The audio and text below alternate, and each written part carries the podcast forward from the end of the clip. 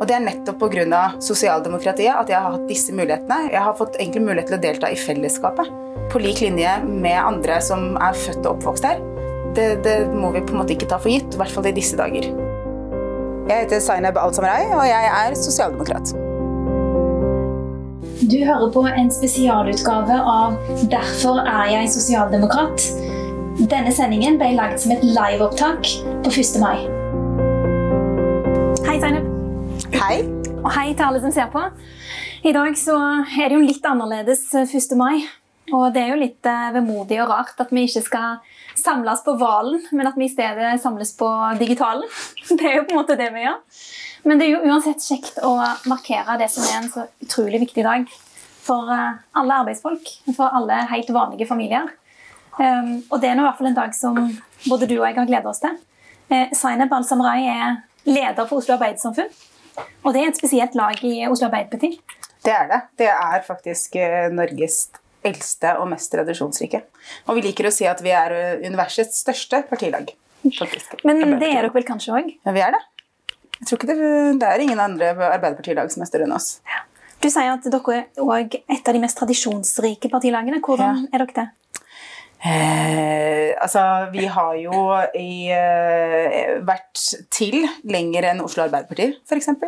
Eh, vi har hatt flere av våre ledere har vært eh, nasjonale og internasjonale eh, personer. Eh, Thorvald Stoltenberg, eh, Werna Gerhardsen eh, så, så det, er, eh, det, er, et parti med mye tradisjoner.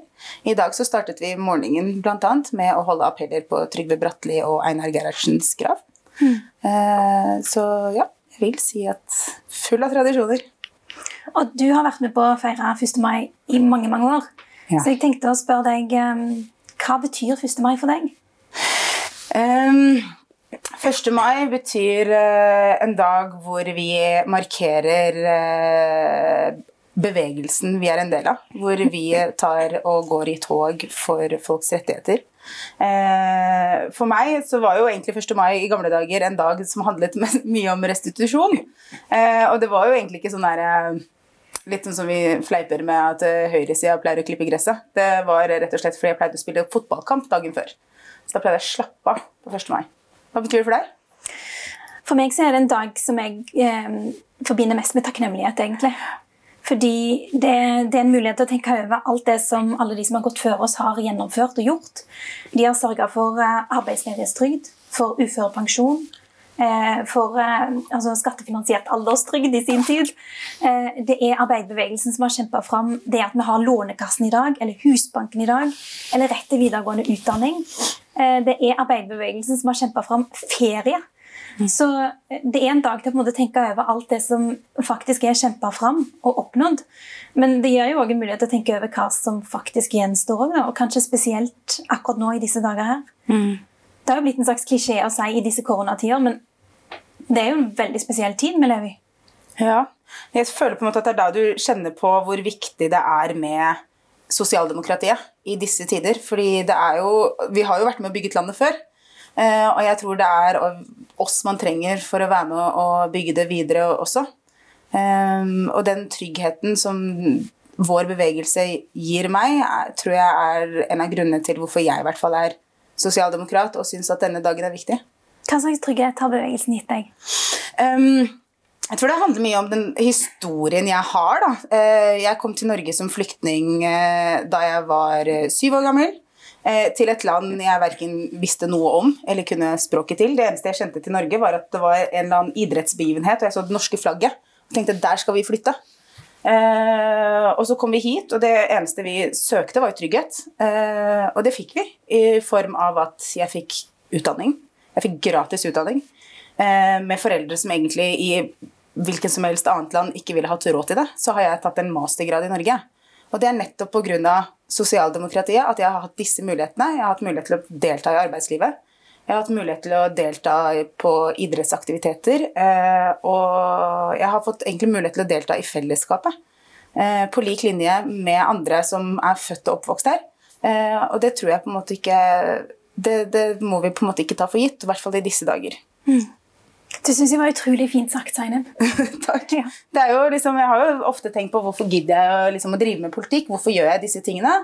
Og det handler veldig mye om at eh, jeg føler at jeg har fått så mye muligheter nettopp pga. det grunnlaget de før oss la. Det, det, du sier det vi går i tog for. Eh, som gjør at eh, jeg får lyst til å gi det samme tilbake. da. Er du ikke enig? Jeg er helt enig. altså Den takknemligheten som vi kanskje begge to kjenner over de mulighetene vi har fått, da, er jo også en enormt viktig drivkraft for å kunne gi det videre til noen andre. Og ikke minst å sørge for at neste generasjon òg vokser opp i et Norge der man har like store muligheter. Ja. Og jeg, jeg, kjenner kanskje spesielt på det akkurat nå når man ser at ledighetstallene er så høye, og vi vet at det er masse ungdommer som er usikre på hvordan framtida kommer til å være. Fordi de har mista jobbene sine eller er permitterte, er urolig for om de får fullført fagbrevet sitt. Mm. Det, det, er ingen tvil om at det kommer til å være ganske krevende tider. Mm. Og man trenger arbeiderbevegelsen sin vilje til kamp da, i en sånn tid.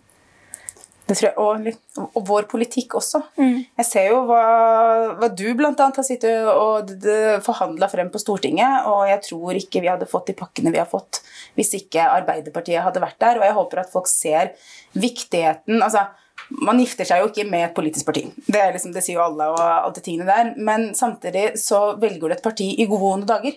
Og nå føler jeg på en måte at vi viser hvor viktig det er med Arbeiderpartiet når det kommer dårlige dager også.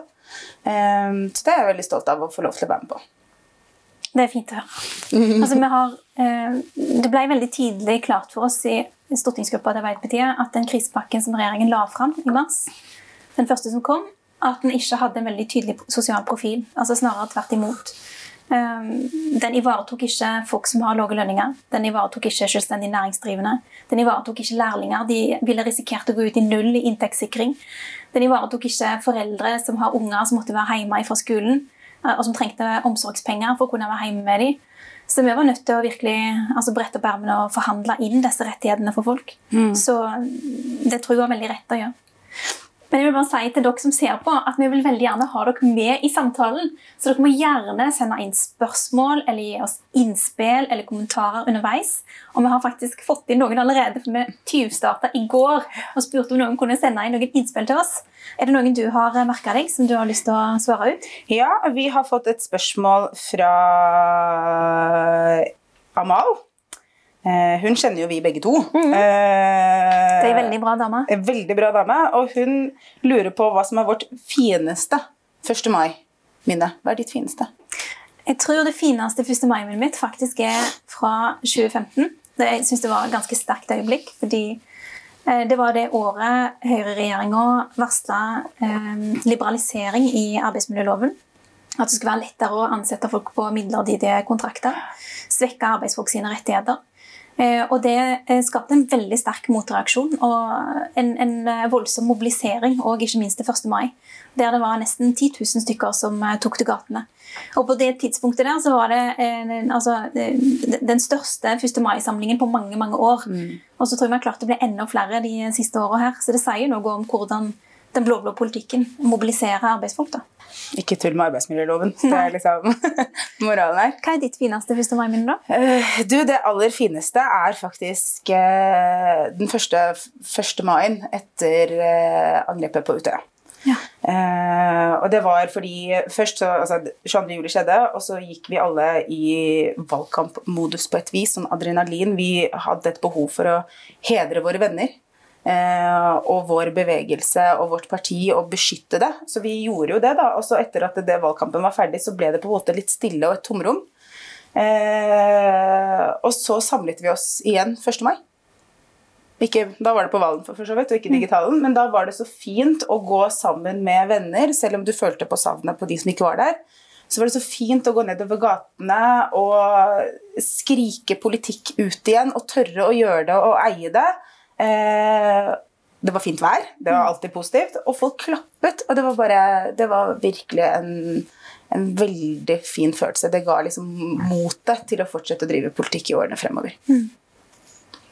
Så det ble en veldig sånn sterk politisk markering etter det som hadde vært en ganske tøff tid? Ja, det var jo det. Og så var det sånn at fordi det selv om man fikk mye støtte i ettertid, så var man jo redd for at det kanskje var en ferskvare. At man var liksom sånn, det var fordi man, Folk gikk jo rundt og ropte at vi er alle AUF-ere nå, og det var liksom ikke måte på. Men vi sto jo også på stand og opplevde eh, fortsatt angrep. da, eh, Og folk som prøvde å skremme oss bort fra å mene det vi mente og det vi, vi sto for, og grunnen til at vi valgte å engasjere oss som unge. Mm. Så det å tørre å gå, ta til gatene igjen, på en måte, og gå nedover og bli applaudert, og samtidig gjøre det med dine beste venner, eh, var veldig fint. Mm. Så det, det, gjorde at eh, jeg har vært gått i tog, i hvert fall hvert år etter. Mm. Minst. Selv dårlig vær. Ja. Skal vi se om vi finner flere spørsmål? Ja. Mm. Offentlig sektor kjøper veldig mye tjenester, sier Håvard. Mm. Hva om dere snakker litt om hvordan vi kan sikre et trygt arbeidsliv når vi går inn i fase tre av epidemien? Så det Håvard sikter til, er vel at når man på en måte letter litt på smitteverntiltakene, og mm. folk kan komme tilbake i jobbene sine, hvordan skal man da få et tryggere arbeidsliv? Mm. Han foreslår faktisk en helt konkret ting sjøl. Håvard skriver hva med å arbeide for en modell som Oslo-modellen, at det kan bli en nasjonal modell? Norgesmodellen. Mm. Ja.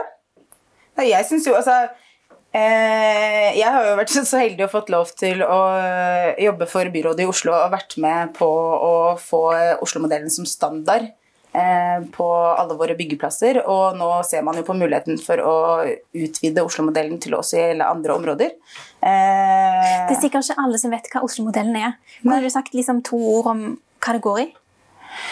Det er jo litt som Håvard sier, da. Det er jo for å sikre at folk at vi driver med eh, ordentlig innkjøp, og at de som jobber for oss, også har gode forhold og tjener mm. det de skal gjøre. og ja. Krav til lærlinger, krav, krav til, til lønns- og arbeidsvilkår. Ja, og nå ser man jo på om man skal stille krav til klima. Mm. altså Man prøver å utvide den for å se på altså Det skal bli en standard for hvordan vi som offentlig innkjøper skal faktisk behandle de som vi eh, mm. engasjerer, eller de vi ansetter. Vet du hva jeg syns er helt vanvittig? At man ikke har det allerede. Ja. Altså, bare tenk på Det det er 2020. Man har ikke en felles offentlig standard som er god nok da, på en del av disse områdene. Man har jo laget en sånn der, man kaller det liksom sånn på direktoratsmodeller og sånne ting. Men de er jo ikke i nærheten av å stille de kravene som arbeidsfolk trenger. Det ser vi jo fordi det jo vokser fram en, eh, altså deler av et arbeidsliv der altså, der useriøse aktører egentlig får mer eller mindre fritt leide til å holde på som de vil. Mm. Og når jeg spør altså, tillitsvalgte i Fellesforbundet, som, som eh, liksom, eh, både liksom, eh, er opptatt av sin egen arbeidsplass, men òg liksom, ser hva som skjer andre steder, og som er alvorlig bekymra for at de melder inn brudd på arbeidsmiljøloven til mm. Arbeidstilsynet, mm. ringer de inn og sier at her skjer det ting, tar tak i det, og så kommer det ikke folk. Jeg har jo lest litt årsrapporten til Arbeidstilsynet, og de forteller jo Jeg kjeda meg litt her en dag, så da gjorde jeg det. Men det. Og der sto det at de har jo redusert andelen tilsyn. Ja. Altså med nesten 25 ja. Og det handler jo om at de har mindre ressurser enn før. De har dårligere økonomi, de har mindre forutsetninger for å være ute der kriminaliteten skjer. Så Man må jo både ha krav, som du sier, med Oslo-modellen, og så må man ha folk som følger med, og som slår ned på det når, eh, det er brudd på de kravene. Mm. Og så tror jeg liksom sånn, Det folk glemmer ofte når man diskuterer liksom sånne ting, er at ja, ja, men han som ansetter, han som driver, han som gjør dette, må jo få lov til å liksom tjene penger og gjøre disse tingene. Men man tenker jo ikke over, på, over at de som er ansatt, er jo de som har større behov for å ha den tryggheten og de trygge arbeidsplassene. Dette er vanlige folk, dette er naboene våre. Mm. Eh, og de trenger anstendig lønn, de trenger arbeidskontrakter, de trenger å tjene penger og også være med og få lov til å betale skatten sin. Mm. Eh, så du har rett i det, at det er veldig rart. Men jeg har jo levd i en sånn Oslo-boble, da. Eh, og for meg så er jo sånn verden fungerer nå. Fordi det er jo sånn Oslo gjør det. Jeg skjønner ikke hvorfor folk ikke gjør alt sånn som vi gjør i Oslo. Hvorfor gjør dere ikke det nasjonalt? Det liksom... Men uh, Arbeiderpartiet har foreslått det nasjonalt. Ja. Da vi lagde um, alternativt budsjett i fjor høst, så var det et av forslagene våre at man lager en nasjonal modell for arbeidslivet. Uh, inspirert bl.a. av Oslo-modellen.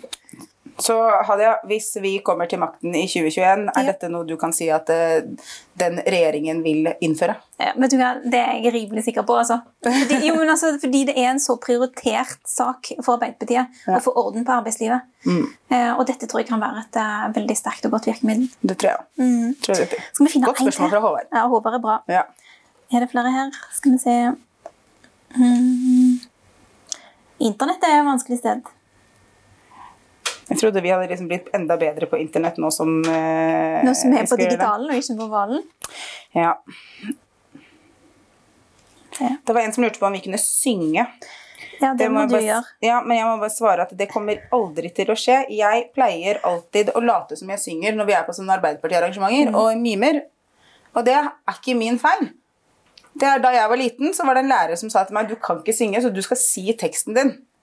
På sånn juleavslutning. Så derfor har jeg liksom tenkt at jeg ikke skal gjøre det. Men så, så var det en helt forferdelig greie som skjedde her forleden. Eh, ikke her forleden, var for noen måneder siden. Hvor vi hadde et eh, repskap, tror jeg, hvor Jonas Gahr Støre var. Og så putt, står vi ved siden av hverandre, og så tar han teksten opp i ansiktet mitt. Og da må jeg jo synge. Kan ikke ikke synge når sjefen ber deg om å synge. Ja. Men da håper du sang. Jeg gjorde jo det, da. Fælt som det var, men jeg gjorde jo det. Men jeg kommer aldri til å gjøre det igjen. Det er ei som heter Amina, som har tatt opp hvordan bygge morgendagens økonomi og hvordan sikre arbeidsplasser. Ja. Det er et ganske stort spørsmål. ja, det er jo det. Det er litt sånn Hva gjør vi etter korona? Ja. Før og etter korona. Det er linja. Jeg tror at det, eh, Jeg tror vi trenger å tenke på en del på det som alle diskuterer med omstilling, men vi må også være med å gi disse folkene som er i disse, disse jobbene som nå kanskje blir permittert, muligheten til å faktisk omstille seg. Vi må utdanne dem, vi må gi dem andre muligheter. De kan ikke bare sitte hjemme. Eh, og så tror jeg at eh, vi må tenke mye mer på på ungdommen som nå ikke får muligheten til å ta fagbrevet sitt, som ikke får muligheten til å få sin første sommerjobb, som ikke får muligheten til å faktisk komme inn i arbeidslivet. Eh, og få etablert den rytmen da, og det, den, den gode følelsen av å tjene sine egne penger.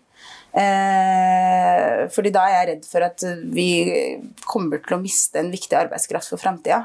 Eh, og for oss, spesielt for meg da, som er fra Oslo, og ser liksom flere av disse som har minoritetsbakgrunn, kommer fra eh, altså I Oslo hvor forskjellene er såpass store, så ser jeg liksom at det rammer jo den delen av befolkningen som allerede har minst fra før av. Mm. Eh, og den delen av ungdommen som trenger nettopp det, der, det håpet og den fremtidstanken. Så jeg syns jo at det er i hvert fall noe jeg mener at dere på Stortinget skal Ja. jobbe med.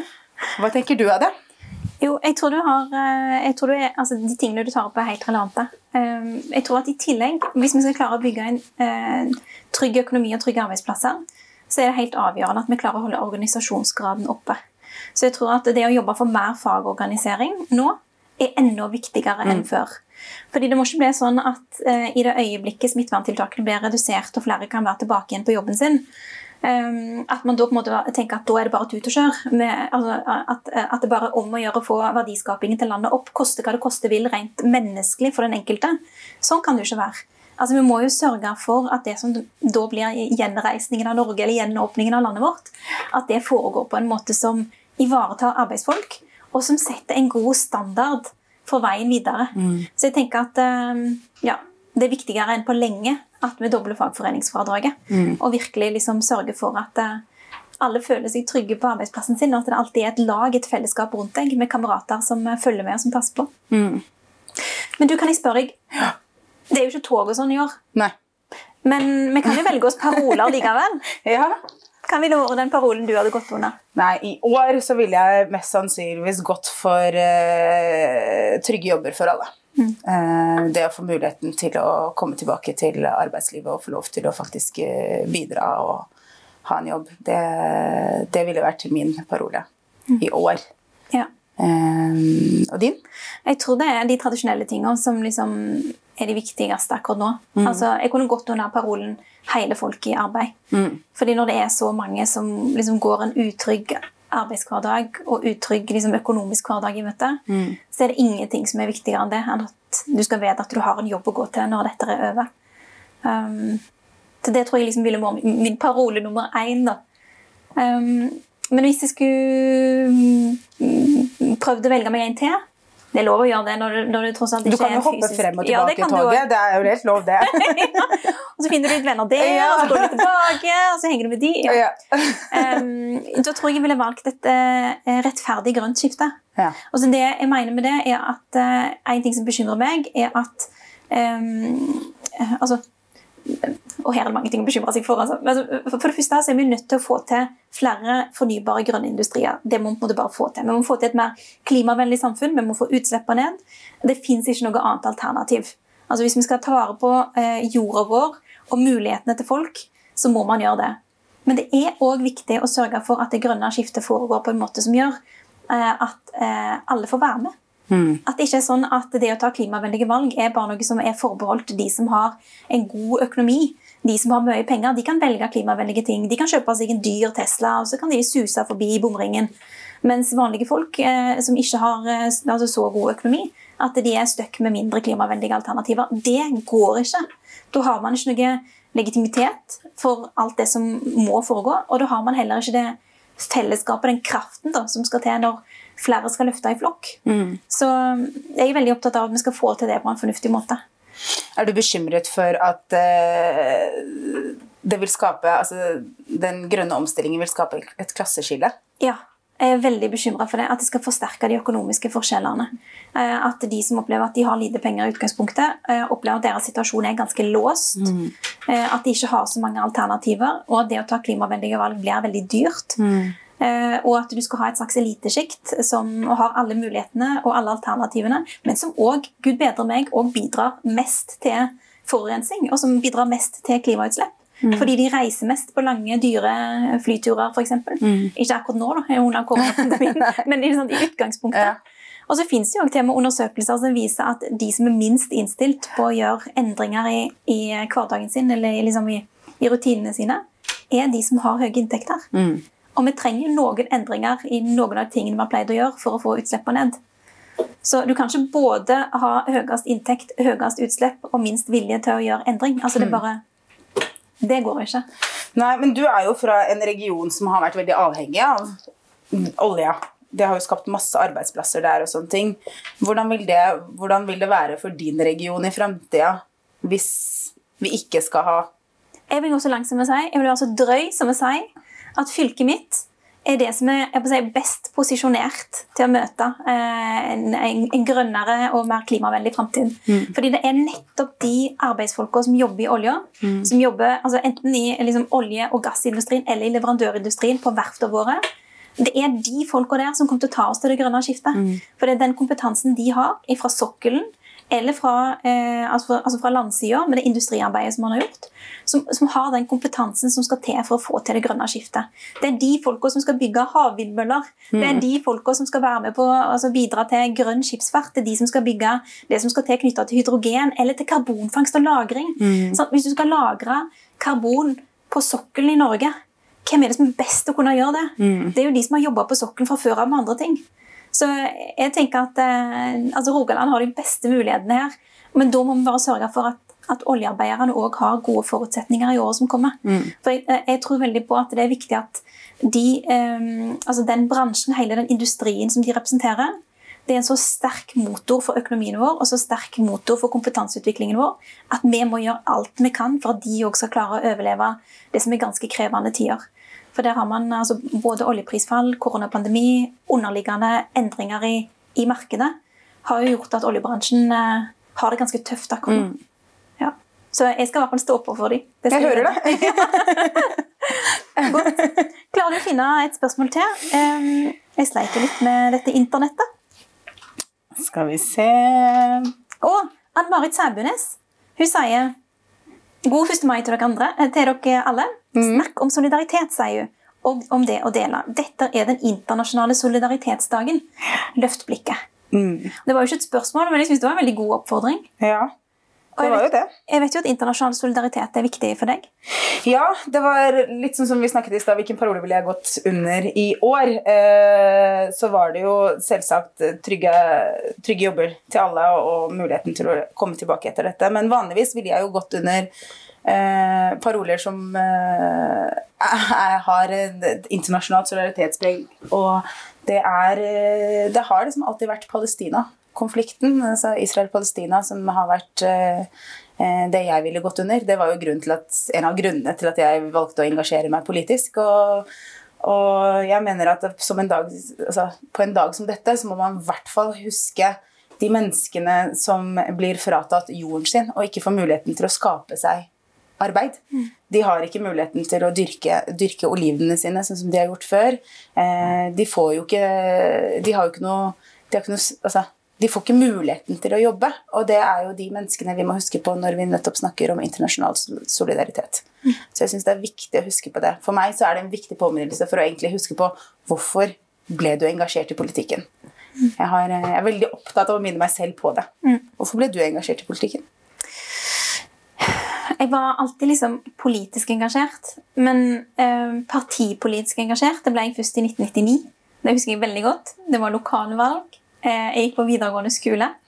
Og så blir, eh, blir jo politikere sånn invitert til skolen sant, for å være med i sånn debatter. Det har vi jo gjort sjøl i ettertid. Ja, ja. Men, eh, og, og, der kom de og, og, og, snakket om hva de skulle gjøre liksom, for lokalsamfunnet vårt. Og jeg ble både engasjert og provosert. Og så tenkte jeg at eh, dette har jeg lyst til å være med på. Og Da var det særlig liksom, skolepolitikk og antirasisme som var liksom, to ting som jeg var veldig opptatt av. Så samla jeg inn brosjyrene fra alle de politiske partiene, bortsett fra ett, som jeg bare visste at jeg ikke var interessert i. Eh, jeg trenger ikke nevne noen navn, eh, men da kan jeg gjette. Eh, og, og, så på en måte eliminerte jeg meg fram til Arbeiderpartiet. Jeg, bare, altså, sånn, altså, jeg leste de ulike programmene, men, men det var eh, relativt klart for meg at det var der jeg hørte hjemme. Var det en spesiell politiker som appellerte til deg? Altså, på den tida så tror jeg det handla mest om at de liksom hadde de skolepolitiske svarene som var gode. Og så var AUF òg veldig klare på det antirasistiske arbeidet. Mm. Og det eh, betydde veldig mye for meg, som var mm. en ung, brun jente. Mm. Og det å se at det her var det liksom et uh, fellesskap som var åpent for alle, mm. det syns jeg var stas. Har vi et spørsmål til som uh, jeg tror vi har funnet? Det er Frode som spør hva kan Arbeiderpartiet gjøre for å sikre at flere organiserer seg, og dermed sikre oppslutning om den norske modellen. Ja, hva kan de gjøre? Altså, vi var inne på litt i stad. Det handla uh, om å, altså, det å få opp fagforeningsfradraget. Um, altså doble det. Mm. Uh, det er klart at uh, økonomi òg betyr noe for om folk melder seg inn eller ikke.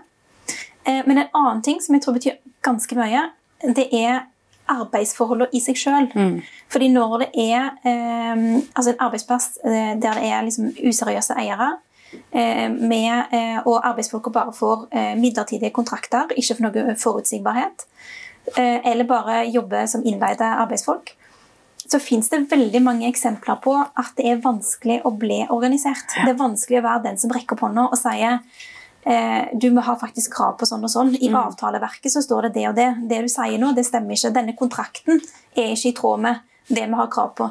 Eh, og hvis du finner på å gjøre noe sånt på en useriøs arbeidsplass, så risikerer du jobben din. Mm. Du risikerer, risikerer, inntekten din. Mm. Og hvis du da òg har en familie å forsørge, så kan det være en ganske høy pris å betale. Mm. Og være, være den som faktisk sier fra om de rettighetene du har. Så det å sørge for ordna arbeidsforhold, mm. det bidrar òg til økt organisasjonsgrad. Mm. Skal vi prøve å gå litt inn for landing? Ja. ja. Jeg tenkte at før vi lander, så har jeg lyst til å spørre deg. Ja. Vi sitter jo her begge to med liksom politiske verv, og du leder for Oslo Arbeidssamfunn, og jeg sitter på Stortinget og sånn. Ja. Men um, hva slags erfaring har du fra arbeidslivet? Oh, jeg har eh, vært avisbud. Jeg har jobbet eh, i ferskvaredisken på Meny med sånn kokkeutstyr og koteletter og sånn. Du, vet du hva? Eh, ja. jeg var kjempeflink, men jeg var så glad i den jobben. Jeg elsket det. Det var liksom sånn der, det å tjene egne penger, ha mestringsfølelsen, og så fikk jeg masse ansvar fra mm. sjefen min og eh, hadde blide og fine kunder. Det var kjempegøy. Eh, og her forleden så eh, var det faktisk en av de som jeg hadde som kunde på den tiden, som hadde som hadde møtt mannen min, som hadde sagt 'Hæ, er du gift med henne?' Hun var så flink på Meny! Og det, sånn, det var det fineste komplimentet jeg kunne fått, var at jeg var liksom sånn Flink til å stå i delikatessedisken. Så ja, Og så har jeg hatt andre jobber private um, i ettertid, uh, etter at jeg var ferdig utdannet. Mm. Um, og, og, jeg vet jo, og det er derfor måte denne dagen også er viktig, og jeg merker at det er derfor jeg lar meg prege så mye av den koronatiden, er at jeg har jo også vært med og kjent på den usikkerheten. Mm. Jeg husker at jeg var vel 25 år. Uh, jeg vil kalle det min første voksenjobb. For det var liksom sånn, Da skulle jeg bare, bare tjene penger uh, og jobbe, og ikke studere. Og jeg hadde nettopp kjøpt meg leilighet, og en måned etter, faktisk rett før 1. mai, for det var jo fristen for når du kan si opp folk, mm. så ble jeg nedbemannet. Og da hadde jeg hatt leiligheten min i jeg tror jeg hadde hatt den i en måned. Og jeg var livredd. Jeg var så redd, for jeg visste ikke hvordan jeg skulle betale lånet mitt. Jeg visste ikke hvordan jeg skulle få dette til å gå rundt. Jeg visste jo ikke hva slags rettigheter jeg hadde engang. Jeg var 25 år, jeg visste jo ikke hva Nav kunne bidra med. eller noe som helst. Eh, men da var jeg når jeg tenker tilbake nå, da var jeg i hvert fall alene og hadde bare ansvar for meg selv. Men når jeg tenker nå på alle disse menneskene som sitter og har eh, familier de også har ansvar for, så, så det, det, hele den situasjonen preger meg veldig. For jeg merker at jeg får tilbake frykten jeg selv hadde da, mm. um, av å bli nedbemannet. Mm. Hvordan gikk det? Kom du deg inn i jobb igjen? altså raskt etter at du ble nedbemannet? Jeg gjorde heldigvis det, men jeg var jo jeg var ung, jeg var nyutdannet, jeg var sulten eh, på arbeid, og det var eh, Så det var mye lettere for meg å komme tilbake på et vis, for jeg hadde mm. også fått den erfaringen. Jeg hadde en jobberfaring. Eh, så det gikk jo bra. Eh, og jeg var heldig. Eh, men det var også i en tid hvor ikke landet sto over for masse arbeidsledighet. Eh, så timingen min var bra i altså, hell i uhell. Eh, så mm, jeg er veldig glad for at det skjedde da og ikke nå. Men jeg, det preger jo meg nå av, av, å høre venner som er permittert, og folk som ikke vet når de får lov til å begynne å jobbe igjen. Mm. Du, da? Min første jobb, den var ubetalt. Det var i butikken til mor og far i Bjørnsbygd. Og da det er derfor du er opptatt av sånne gode arbeidsforhold? ja, arbeidsforhold. Jeg, jeg var ikke organisert. På grensen til barnearbeid, vil jeg si. Ja, det vil jeg si. Men altså, jeg syns det var så stas sant? når du er eh, jeg tror jeg var sånn 12-13 år gammel. Liksom. Det er så stas å få lov til å hjelpe mor og far. Mm. Rydde litt i hyllene. Og så det å bruke den lille prisemaskinen, det var stas. Den ser ut som en bitte liten pistol, og så bare går du bort til den varen du skal prise, så bare klikk, og så bare kommer liksom prislappen på. Så klikk, klikk. Jeg bare koser meg sånn med det. jeg kan se det for meg skikkelig. At det er, liksom, sånn, det, er det gøyeste du vet. Det sånn. Stiller den inn, og så bare ja. Og da, ja, jeg kunne, jeg, Det koser jeg meg veldig med. Så det var liksom min første jobb. da, kan du si. Hva ville du bli når du ble stor? Um, når du sto ville, der med den maskinen? Akkurat når jeg sto med den maskinen, så tror jeg ikke jeg tenkte så mye på hva jeg skulle bli når jeg ble stor. Da var det bare liksom å kose seg der og da, ha det fint med familien og gå ut og leke. Altså. Men etter hvert så drømte jeg om å bli journalist. Eh, jeg drømte om å være ei sånn som kunne fortelle historiene til de som ikke følte at de slapp til i avisspaltene. At jeg kunne være en sånn som kunne vise frem sånne historier. Så det var i hvert fall drømmen. Men uh, på veien så endte jeg opp med å ha et sterkere politisk engasjement enn det journalistikken tillot. kan du si. Ja, jeg syns jo det er veldig fint, da, for da fikk vi jo møttes. Ja. Jeg tror ikke jeg hadde likt deg som journalist. jeg tror det faktisk er et mål som journalist at man skal helst ikke bli likt av for mange, fordi man skal stille masse kritiske spørsmål. Og jeg er helt sikker på at Å, der kommer hun, og så hadde jeg bare løpt andre veien. Bra. Men da lurer jeg på om vi bare skal takke dere for at dere hadde lyst til å være med, og at en del av dere sendte spørsmål og sendte innspill til oss. Og så håper jeg veldig at dere har hatt en god 1. mai. Um, Gratulerer med dagen. Gratulerer med dagen.